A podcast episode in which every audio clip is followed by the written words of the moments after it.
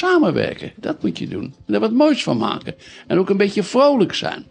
En niet het gezalig pot. Dictator 66 is een partij geworden van het uitsluiten van collega-partijen en van hele groepen kiezers. Uiteindelijk is het ook het vertrouwen wat je hebt in elkaar. En het vertrouwen is er niet. Welkom bij Wegwijs in het IJspaleis, de politieke podcast van Den Haag Centraal, waarin we het hebben over de nasleep van de gemeenteraadsverkiezingen. Dit is aflevering 8. Het is moeilijk in het IJspaleis. Ik ben Mieke van Dixhoorn en we zitten op onze redactie in het centrum van Den Haag.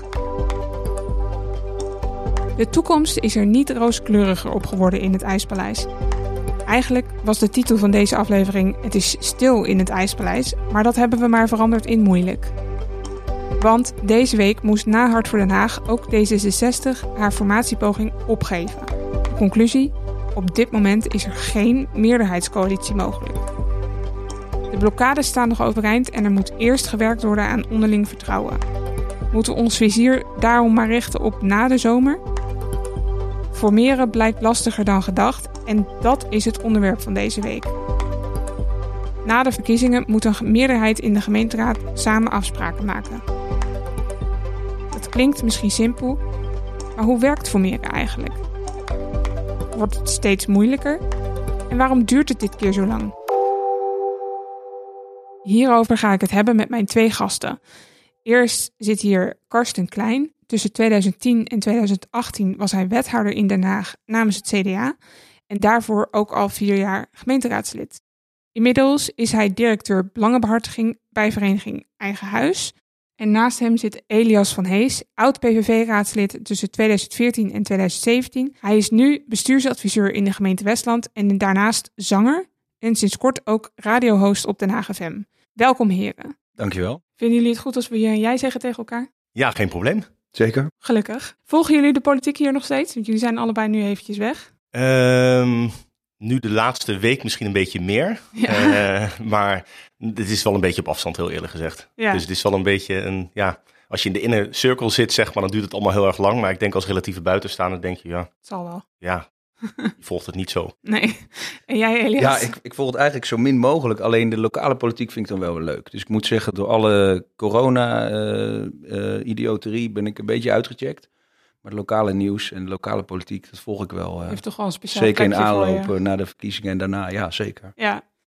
Nou, we gaan het hebben over formeren dus. Ehm, laten we beginnen bij het begin. De, de verkiezingen zijn geweest, eh, de stemmen zijn geteld, je weet wat de uitslag is. Hoe bepaal je dan eh, de strategie met je partij? Of doe je dat eigenlijk al voor de verkiezingen zijn geweest? Ehm, nou, je, je weet van tevoren wel zeg maar, hoe je de verkiezingen ingaat. Je hebt je verkiezingsprogramma, je hebt je speerpunten geformuleerd. Eh, je weet wel, je hebt wel een beeld van wat je eruit wil halen.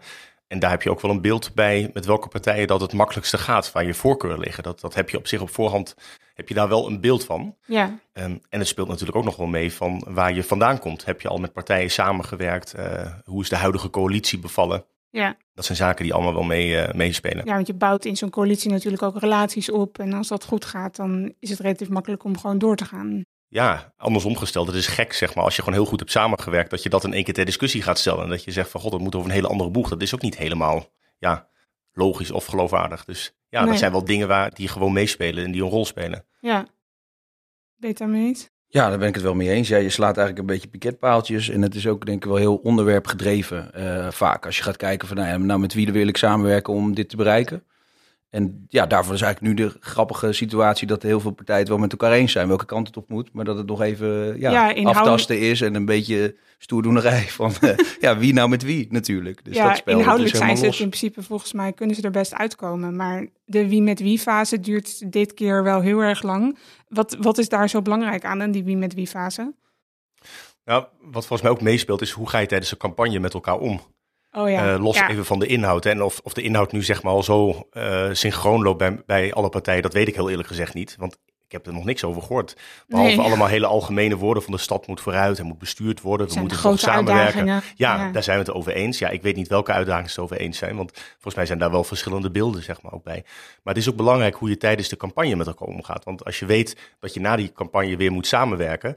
Is het ook wel verstandig om tijdens die campagne een beetje rekening te houden en dat je elkaar niet helemaal zeg maar voor rotte vis uitmaakt of super onmogelijke dingen gaat zeggen. Want dan ja, moet je daar zelf op terugkomen of je moet het weer goed gaan maken. Dus Ja. ook dat speelt mee. Dat is ook een heel gevoelig proces, denk ik. Je moet wel de verschillen zeg maar heel groot maken, inhoudelijk, dat mensen weten waarop ze stemmen. ja. Maar het is niet handig, zeg maar, voor het proces dat je, dat je nou ja, persoonlijke fetes krijgt en dat je zo hard op elkaar gaat lopen inhakken dat je daarna weer ja, puin moet ruimen. Dat, dan, dat is schadelijk, zeg maar, ook voor de periode Heb je dat zelf meegemaakt?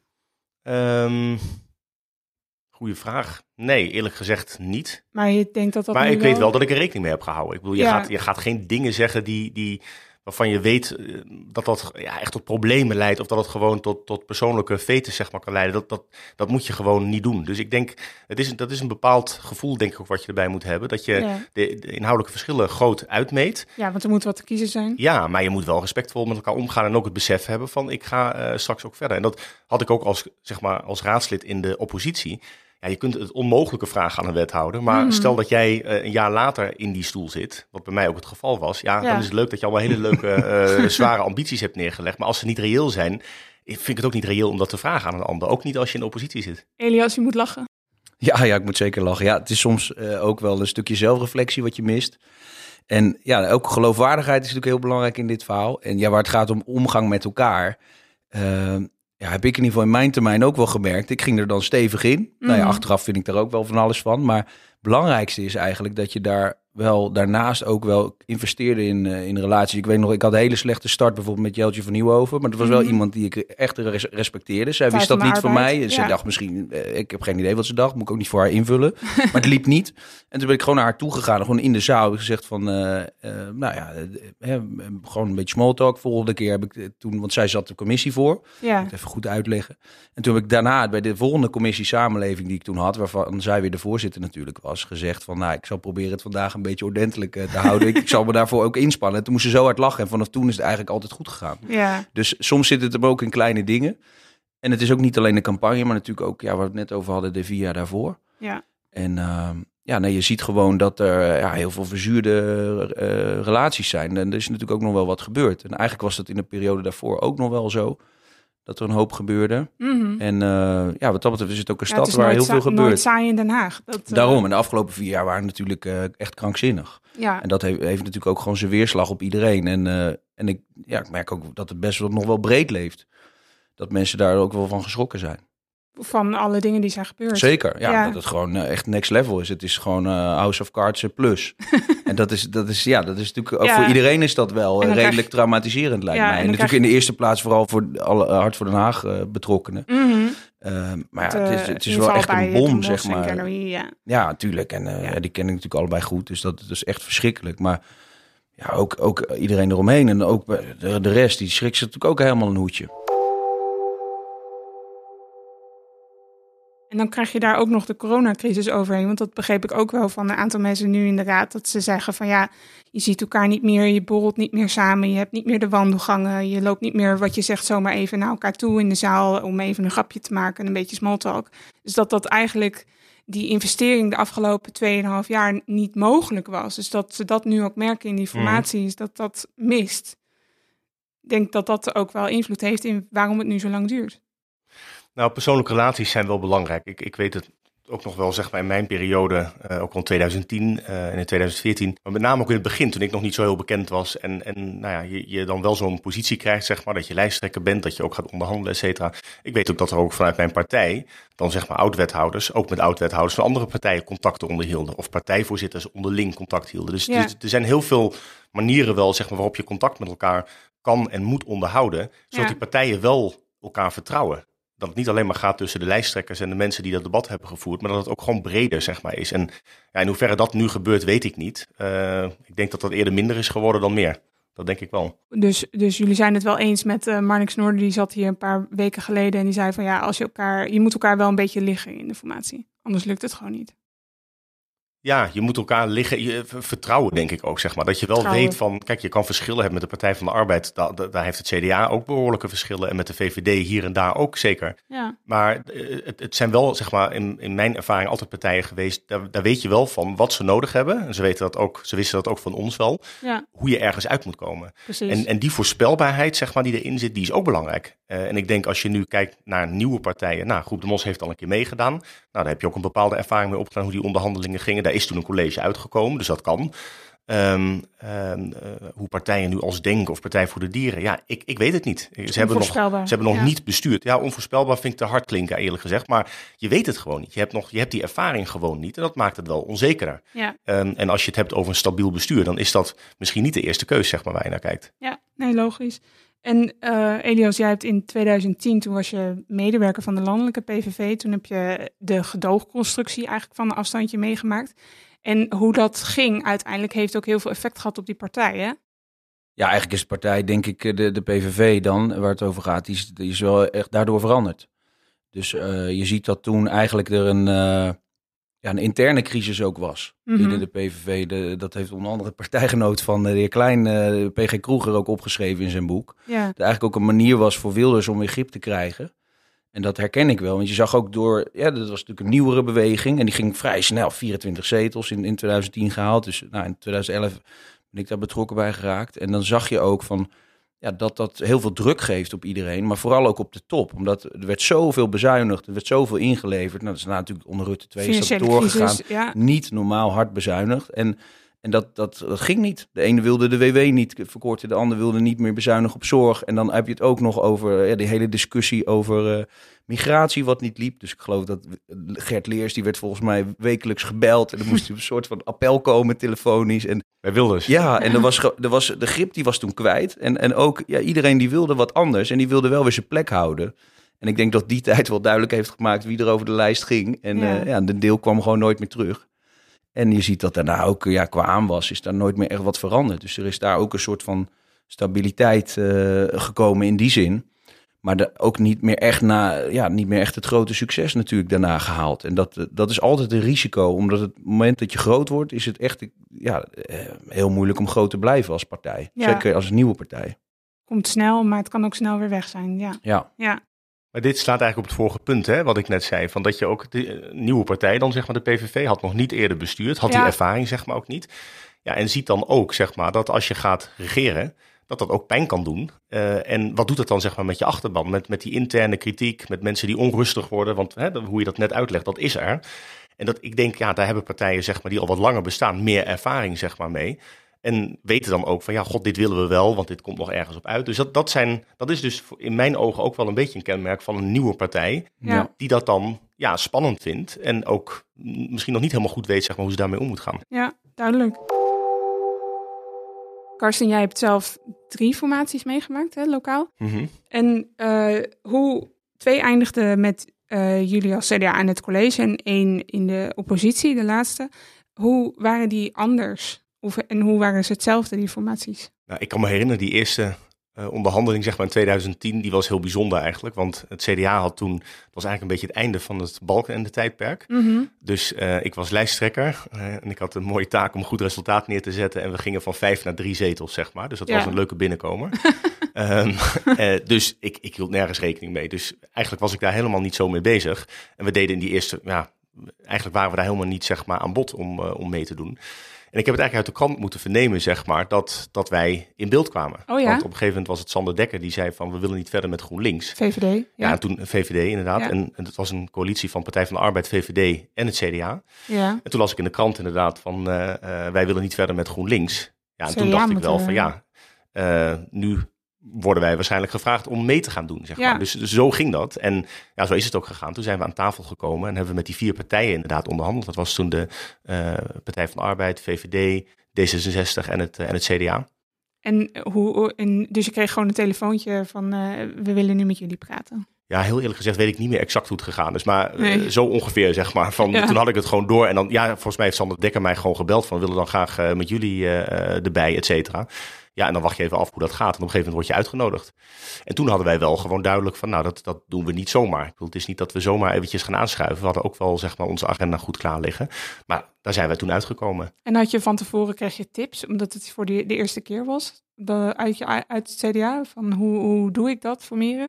Nou, ik had toen een goede compagnon, zeg maar. Ik had Nicolien van Vroonhoven. Dat was natuurlijk een oud uh, Tweede Kamerlid. Uh, die had dus Mhm. ook wel veel ervaring, wel gewoon op rijksniveau, zeg maar, uh, landelijke ervaring. En wij hebben met z'n tweeën die onderhandelingen gedaan. En ik had een heel team van mensen om me heen. Dus ook inderdaad oud-bestuurders, partijvoorzitters, die, die je echt wel raadpleegt. Maar ik had bank. zelf ook de nodige ervaring. Ik had al vier jaar in die raad gezeten. En dat was natuurlijk wel een belangrijke, um, nou, dat was wel een belangrijke voorbode, zeg maar. Die, die, die had ik niet willen missen.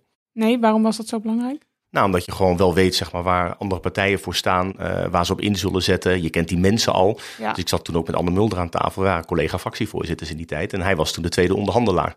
En Sander Dekker had ik ook al meegemaakt. En, uh, dus, dus ja, je kent, je kent wel de mensen zeg maar, met wie je zeg maar, aan tafel zit. Maakt het makkelijker. Dat maakt het makkelijker, Ja. ja. En 2014 was eigenlijk gewoon een continuering van die coalitie. Wat ik ook gewoon heel logisch vond, want die, die, die, die was gewoon goed. Alleen aangevuld dan met, Met de Haagse. Stadspartij. Want ja, die gingen toen van twee naar vijf, meen ik. Ja, Dus die hadden een forse winst. dat was een revolutie. Dat was een revolutie. met een heel bijzonder punt natuurlijk. Een Wij zijn ja. tegen het Spuiforum. Dus daar zijn ze enorm groot mee geworden. Maar er lag natuurlijk wel een dossier op tafel. Wat ook al heel vergaand eh, gevorderd was, zeg maar. Ja. Waar we een oplossing voor moesten vinden. Dus dat was wel een hele bijzondere inhoudelijke onderhandeling. Ja, dat was eh, het Cultuurpaleis, wat nu inmiddels op het Spuiplein staat. Ehm, en die in onderhandelingen duurden ook best wel lang. Maar dat was dus vooral inhoudelijk, omdat jullie eerst uit dat Spuiforum moesten komen. voordat eigenlijk de rest aan bod kwam, toch? Ja. Ja, dat, dat, ik, ik, ik moet even goed teruggraven, zeg maar. Weet je of dat de volgorde was? Ik denk het wel, want dat was wel het belangrijkste punt, zeg maar. dat daar begreep ik hebben we van Joris in de ja, daar hebben we wel, daar, daar, ja, als je daar niet uitkomt, dan kun je de rest eigenlijk wel vergeten. Dus daar hebben we inderdaad heel veel over gesproken. Ja, En dat, ja, dat was niet makkelijk. En dat was ook voor de Stadspartij niet makkelijk. Want je zegt dat je ergens tegen bent en je gaat een nieuw plan maken. Maar goed, dat heeft de geschiedenis ook wel uitgewezen. Denk ik dat dat voor hun ook lastig uit te leggen was. Want daarna zijn ze eigenlijk alleen maar kleiner geworden. ja, ja, ja. En ehm, was de, had je toen ook een hele lange wie met wie fase? Of was het toen vrij snel echt inhoudelijk? Dat- Nou, volgens mij was dat wel die huidige, die, die, die, die toenmalige coalitie van die vier partijen. Die, ja, die had ook gewoon goed gescoord. Ja, Maar de Haagse Stadspartij ook. Dus dat die erbij kwamen. En ook met name op dit dossier. was heel eh, logisch. was wel belangrijk. Want je wil ook dat dossier wil je verder brengen. Je kan niet ermee stoppen als je al zo ver bent als stad. Er moet een antwoord er zeg maar op komen. Dat wil je gewoon helder hebben. Ehm, en ja, daar was ik ook voor. Dan maar een alternatief. Eh, en hoe zo'n gebouw er precies uitziet, eerlijk gezegd, maakt mij dat dan ook niet uit. Dat zo'n gebouw daar moet komen met die functie, vonden we wel belangrijk. En ik ben blij dat het er staat. Ja. Hoewel ik het eerdere plan, ik heb het thuis al mijn boekenkast staan, zeg maar, vond ik wel heel erg mooi. Ja. Ja. En, en hoe werkt, als we dan echt puur praktisch kijken, hoe werkt zo'n gesprek dan? Want je wordt met z'n allen aan tafel uitgelegd. En is het dan de formateur die bepaalt waar het over gaat? Of bepaal je dat als onderhandelaar zelf? Of hoe, hoe werkt dat? Ja, je, je, je wordt dat, eh, je, je- er worden rondes gedaan eigenlijk van wat is jouw visie op de stad. En zo begint dat. En dat begint heel algemeen met hele ja, algemene bewoording, om het zo maar te zeggen, waar we het net over hadden. Mhm. Zoals die nu ook zijn, daar kun je niet heel veel uit opmaken. Maar je moet daar wel, je geeft wel je speerpunten aan waar je zeg maar op terug wil haken. Want het is, het is een soort, ja, wat zou ik zeggen, je begint heel algemeen en je wilt tot de kern komen. Maar je moet dus, als je heel algemeen begint, moet je al wel duidelijk hebben waar je naartoe wil. Dus je moet wel een aantal punten al noemen die voor jou heel belangrijk zijn. Ja, En dan kun je op het laatst nog wel details et cetera aan toevoegen. Maar je belangrijke speerpunten, die moet je wel dan al helder hebben. Dus het is wel echt een heel... Je moet goed in de inhoud zitten, zeg maar. En je moet ook wel nou, strategisch een beetje vooruit kunnen kijken... van waar wil ik uitkomen en wat moet ik daarvoor nu al zeggen. Ja. En kan je dan, zet je dan ook hoger in op een bepaald onderwerp dan je uiteindelijk uit wil komen? Of is dat dan weer overdreven? Ja, deels, deels, is dat wel zo. Ja, Ja. Als je het over financiën hebt, ja, ja, je probeert hoog in te zetten... en je weet ook dat je niet alles krijgt. En dat, maar dat geldt voor iedereen. Ja, je moet Ja. iets in kunnen ruilen natuurlijk. Ja. Ja. Is er een verschil tussen de eerste en de tweede onderhandelaars? Of maakt dat niet zoveel uit? Ja, dat maakt wel uit. Ik vind, ja, kijk, de lijsttrekker, zeg maar, die vind ik wel, die, die, die, is, die is wel in eerste instantie aan het woord. Ja. Ehm, maar je doet het wel echt eh, samen, zeg maar. En ja, je hebt iemand naast je die ook als getuige, zeg maar, eh, fungeert. Weet je wel? Je, het zijn inhoudelijk ingewikkelde besprekingen. Je moet veel bijhouden, je moet dingen onthouden. Ook gewoon op die mi- mimiek van anderen letten, om het zo maar te zeggen. Tenminste, dat vind ik wel belangrijk. Van hoe gaat dat in zo'n bespreking? Dat gaat met z'n tweeën, gaat dat makkelijker. Zeg maar. Dus van, daar zit je echt op te letten van hoe... ja, op hoe- alles. Gewoon de hele sfeer aan tafel, zeg maar. Van wat, wat gebeurt er, zeg maar. En daarin kan je ook rollen verdelen, zeg maar. Eh, als jij een keer iets niet wil zeggen, kan je collega dat zeggen. En Oh ja, ja, dat, zo, zo werkt dat natuurlijk. ja, het is gewoon mensenwerk. ja, tuurlijk. Nee, Ja. logisch. En eh, heeft zo'n, hoe zo'n formatie gaat dan ook weer effect op de rest van de bestuursperiode? Ja, denk ik wel. Ja. Dat, is, dat vind ik eigenlijk hetzelfde als bij de campagne, zeg maar. Ik bedoel, als je daar echt heel onmogelijk gaat doen en je gaat echt het onderste uit de kan en je gaat maar, je blijft enorm ergens op zitten. Dat, dat, dat is in geen relatie goed, om het zo maar te zeggen. Dus Ja. je, moet, je, moet daar, je, je kan daar wel laten zien, zeg maar, waar je toe in staat bent en hoe je, zeg maar, die stad wil besturen. En dat je hier en daar ook wat inlevert. Maar dat kan soms ook best wel met, met dat kan ook best wel eens even met ruzie gepaard gaan. Dus Ja, je laat je karakter zien eigenlijk. ja klopt. Ja, ja. Oké, en dan ehm, naar, naar deze formatie. Waarom duurt het zo lang? Ja, dat heeft ook wel denk ik te maken met, eh, met bepaalde geloofwaardigheid hè, en verwachtingen die men eh, heeft uitgestraald in de campagne. Mhm. Bijvoorbeeld D66 heeft dan gezegd van nou, we gaan niet intensief samenwerken in de zin van het college met, met, eh, met Hart voor Den Haag. Uitgesloten. Ja, en eh, je ziet dat de PvdA en GroenLinks elkaar vasthouden. Dus ik, ik denk ook dat men nu niet te veel eh, meteen wil, wil, wil weggeven. Ik denk Ja. dat dat het is. Men verkoopt de huid duur. Heeft ook wel met de versplintering van het landschap natuurlijk te maken, wat, wat steeds meer eh, wordt. Mhm.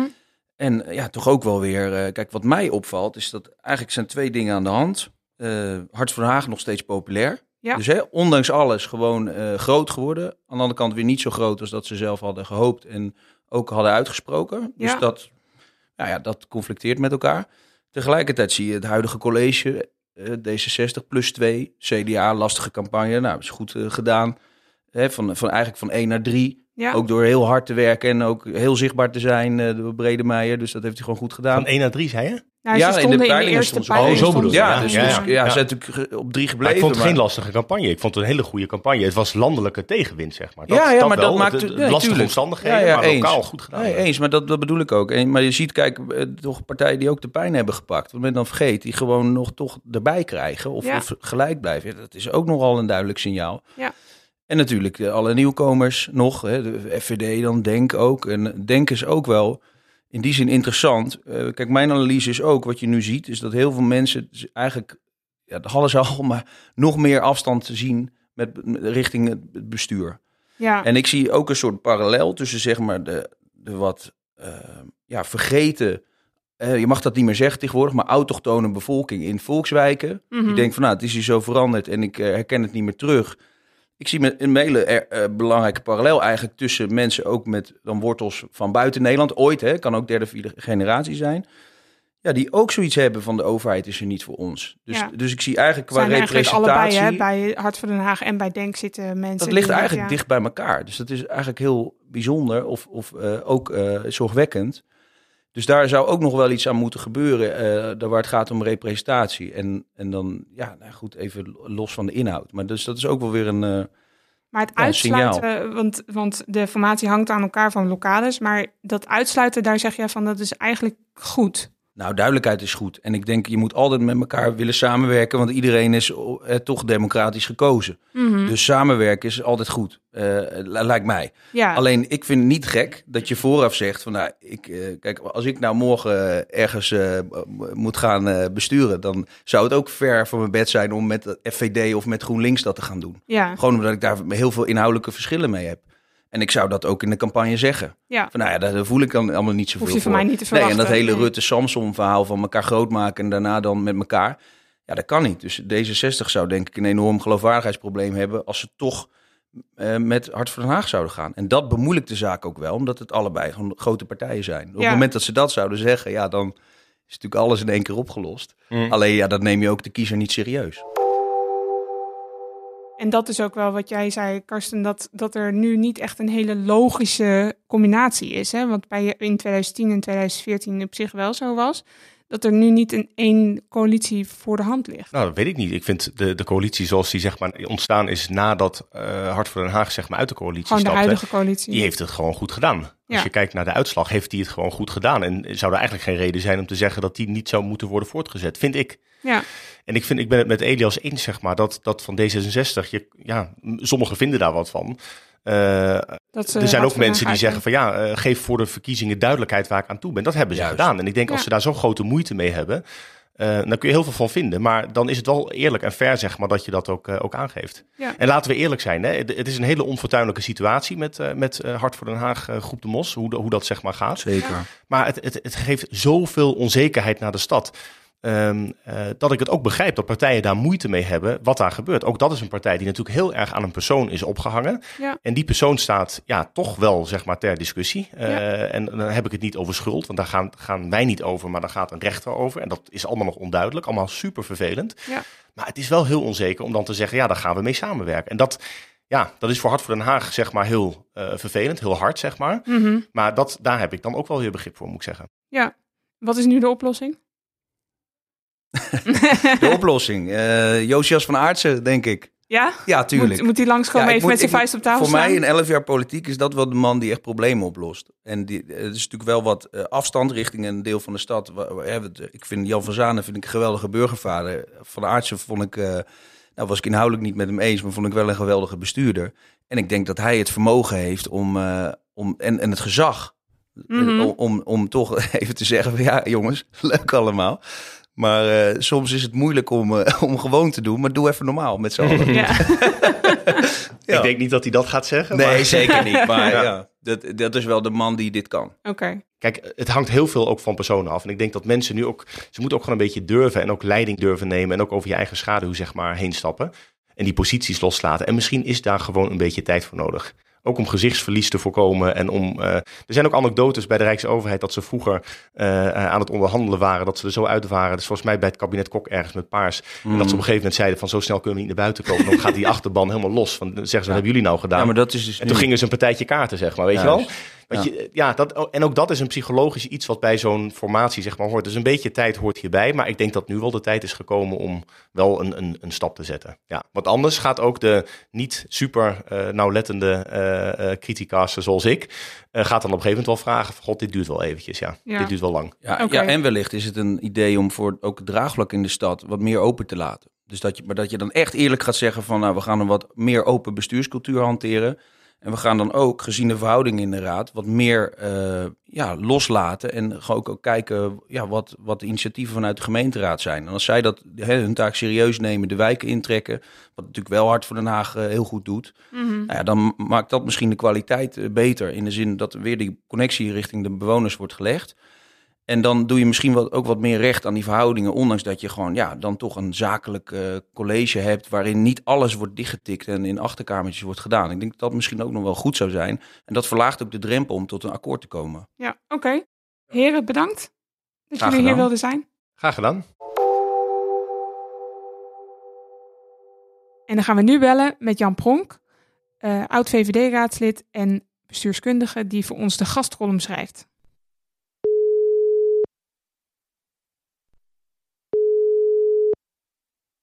Hoi Miek, goedemorgen. Hey Jan, alles goed? Ja, zeker. Ik zie er enorm naar uit om het rapport van de informateurs met je te bespreken deze week. Ja, want het is weer mislukt.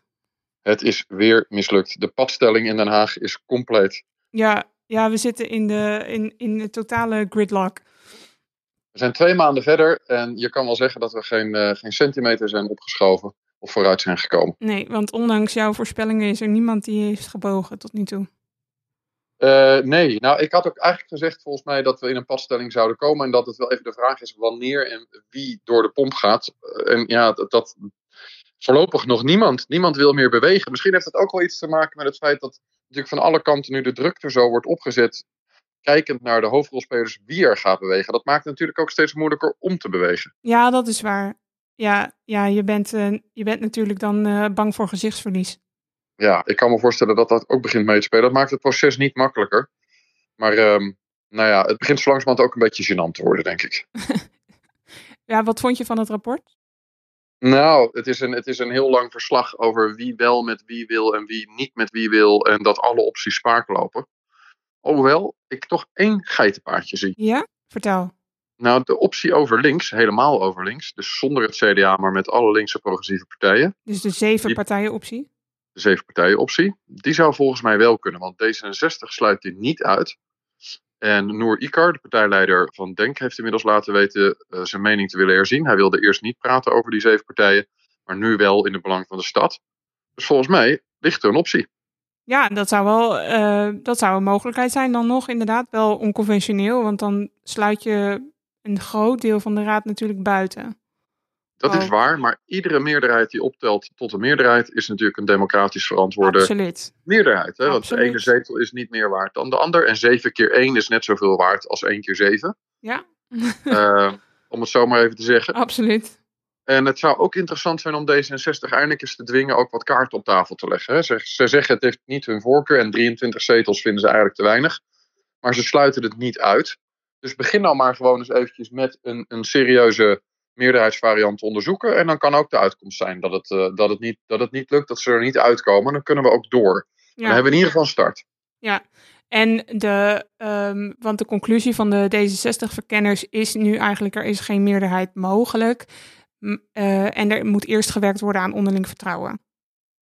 Ja, ik weet niet. Dan denk ik bij mezelf: maken we het allemaal niet een beetje veel te groot? En we zijn de gemeenteraad uh, van Den Haag. En er moet een nieuw college gevormd worden. Ik heb het gevoel alsof ik af en toe naar een soort slechte herhaling van de landelijke politiek zit te kijken. Ja. Of alle deelnemers te veel House of Cards of West Wing hebben zitten staren de afgelopen weken. Want het is, het is natuurlijk één groot spel. Ja. Het is natuurlijk ook een beetje gênant voor woorden dat als uh, hele grote delen van het beleid en van de begroting eigenlijk al vast liggen door landelijk beleid, we in Den Haag niet met elkaar in staat zijn om gewoon een normale samenwerking te maken. Ja, en eh, ik vond het uh, een voorstel van Robert Barker van de Partij voor de Dieren wel interessant. Die zei van laten we nou met een brede groep partijen, niet per se dan met wat precies een meerderheid is, gaan praten over de inhoud. En dan kijken hoe ver we komen en dan kijken waar precies de pijn ligt bij die partijen. Ja, dus het, gewoon eens kijken waar, je, waar het, uh, uh, waar, hoe ver je kan komen. Ja. Het heeft ergens wel ook een beetje de dynamiek van een, van een raadsakkoord in zich misschien. Als je nou die grote partij, groep partijen wil, hè, dan loop je misschien toch ook wel snel aan tegen de vraag, maar wie mag daar dan wel aan meedoen? Mag Groep de Mos daar dan nog aan meedoen? Ja. Of niet? En, en, en kom je dan uiteindelijk uit op, ja, weet je, als je het inhoudelijk eens bent, loop je nog steeds aan tegen het vraagstuk dat de VVD natuurlijk liever Partij van de Arbeid er niet bij wil hebben vanwege die samenwerking afgelopen keer, de wethoudersverhoudingen en de aantallen in het college. Dus ja, ik, ik denk dat het een goede suggestie is voor Robert. Ga in godsnaam een keer over de inhoud praten. Maar ik vrees dat je dan toch ook weer aanloopt tegen diezelfde blokkades. Maar inderdaad, laten we maar eens ergens gaan beginnen. Dus dit heeft niet gewerkt. Volgende fase, dan maar naar de inhoud. Ja, want ze, ze maken zich nu, uh, ze zeggen nu, we moeten een hele grote formateur hebben die boven de partijen staat. Dus Herman Cenk Willink-achtig iemand. Ja, ja, je hoort verschillende namen. Hè? Herman Cenk Willink hoor je, hoort ook Josias van Aartsen. Ja. Wil ik me afvragen of een oud-burgemeester die onpartijdig en boven de partijen stond, zich in een soort partijpolitiek spel laat, laat trekken. Uh, Bruno Bruins wordt ook wel genoemd, Alexander Pechtold. Ja, ik weet het niet. Ik vraag me af of je in, in, in dit tijdperk waar we in leven, of, of partijleiders gevoelig zijn voor een, voor een zeg maar zogenaamde partijmastodont of een politiek mastodont die met de vuist op tafel slaat. Ik, ik kan me niet voorstellen dat GroenLinks dan opeens zegt: Oh, nou, dan doen we het wel zonder de Partij van de Arbeid. Of dat de VVD zegt: Dan doen we het wel met Martijn Balster. Ik, ik, ik kan me er niet zo heel veel bij voorstellen. Nou, we gaan het merken. Ja. Hey, op bedankt. naar het debat. Ja, op naar het debat. Bedankt Jan, tot volgende week. Graag gedaan. You, bye. Dan wil ik iedereen bedanken voor het luisteren. Ook bedankt aan Stichting Luis in de Pels die deze podcast mede mogelijk heeft gemaakt. De column van Jan is zoals gewoonlijk te lezen op www.denhaagcentraal.net. Volgende week gaan we het hebben over het belang van de fractie in een partij die in het college zit. Wat betekent het als een wethouder zijn of haar fractie niet kan leveren? Waarom wijk je als raadslid soms toch af van wat er in het college is afgesproken en wat voor rol spelen dissidenten uit het verleden in deze formatie? Heb je vragen of opmerkingen? Stuur ze naar podcast denhaagcentraal.net. En voor meer nieuws, reportages en analyses, kijk op onze website, koop een krant of neem een abonnement.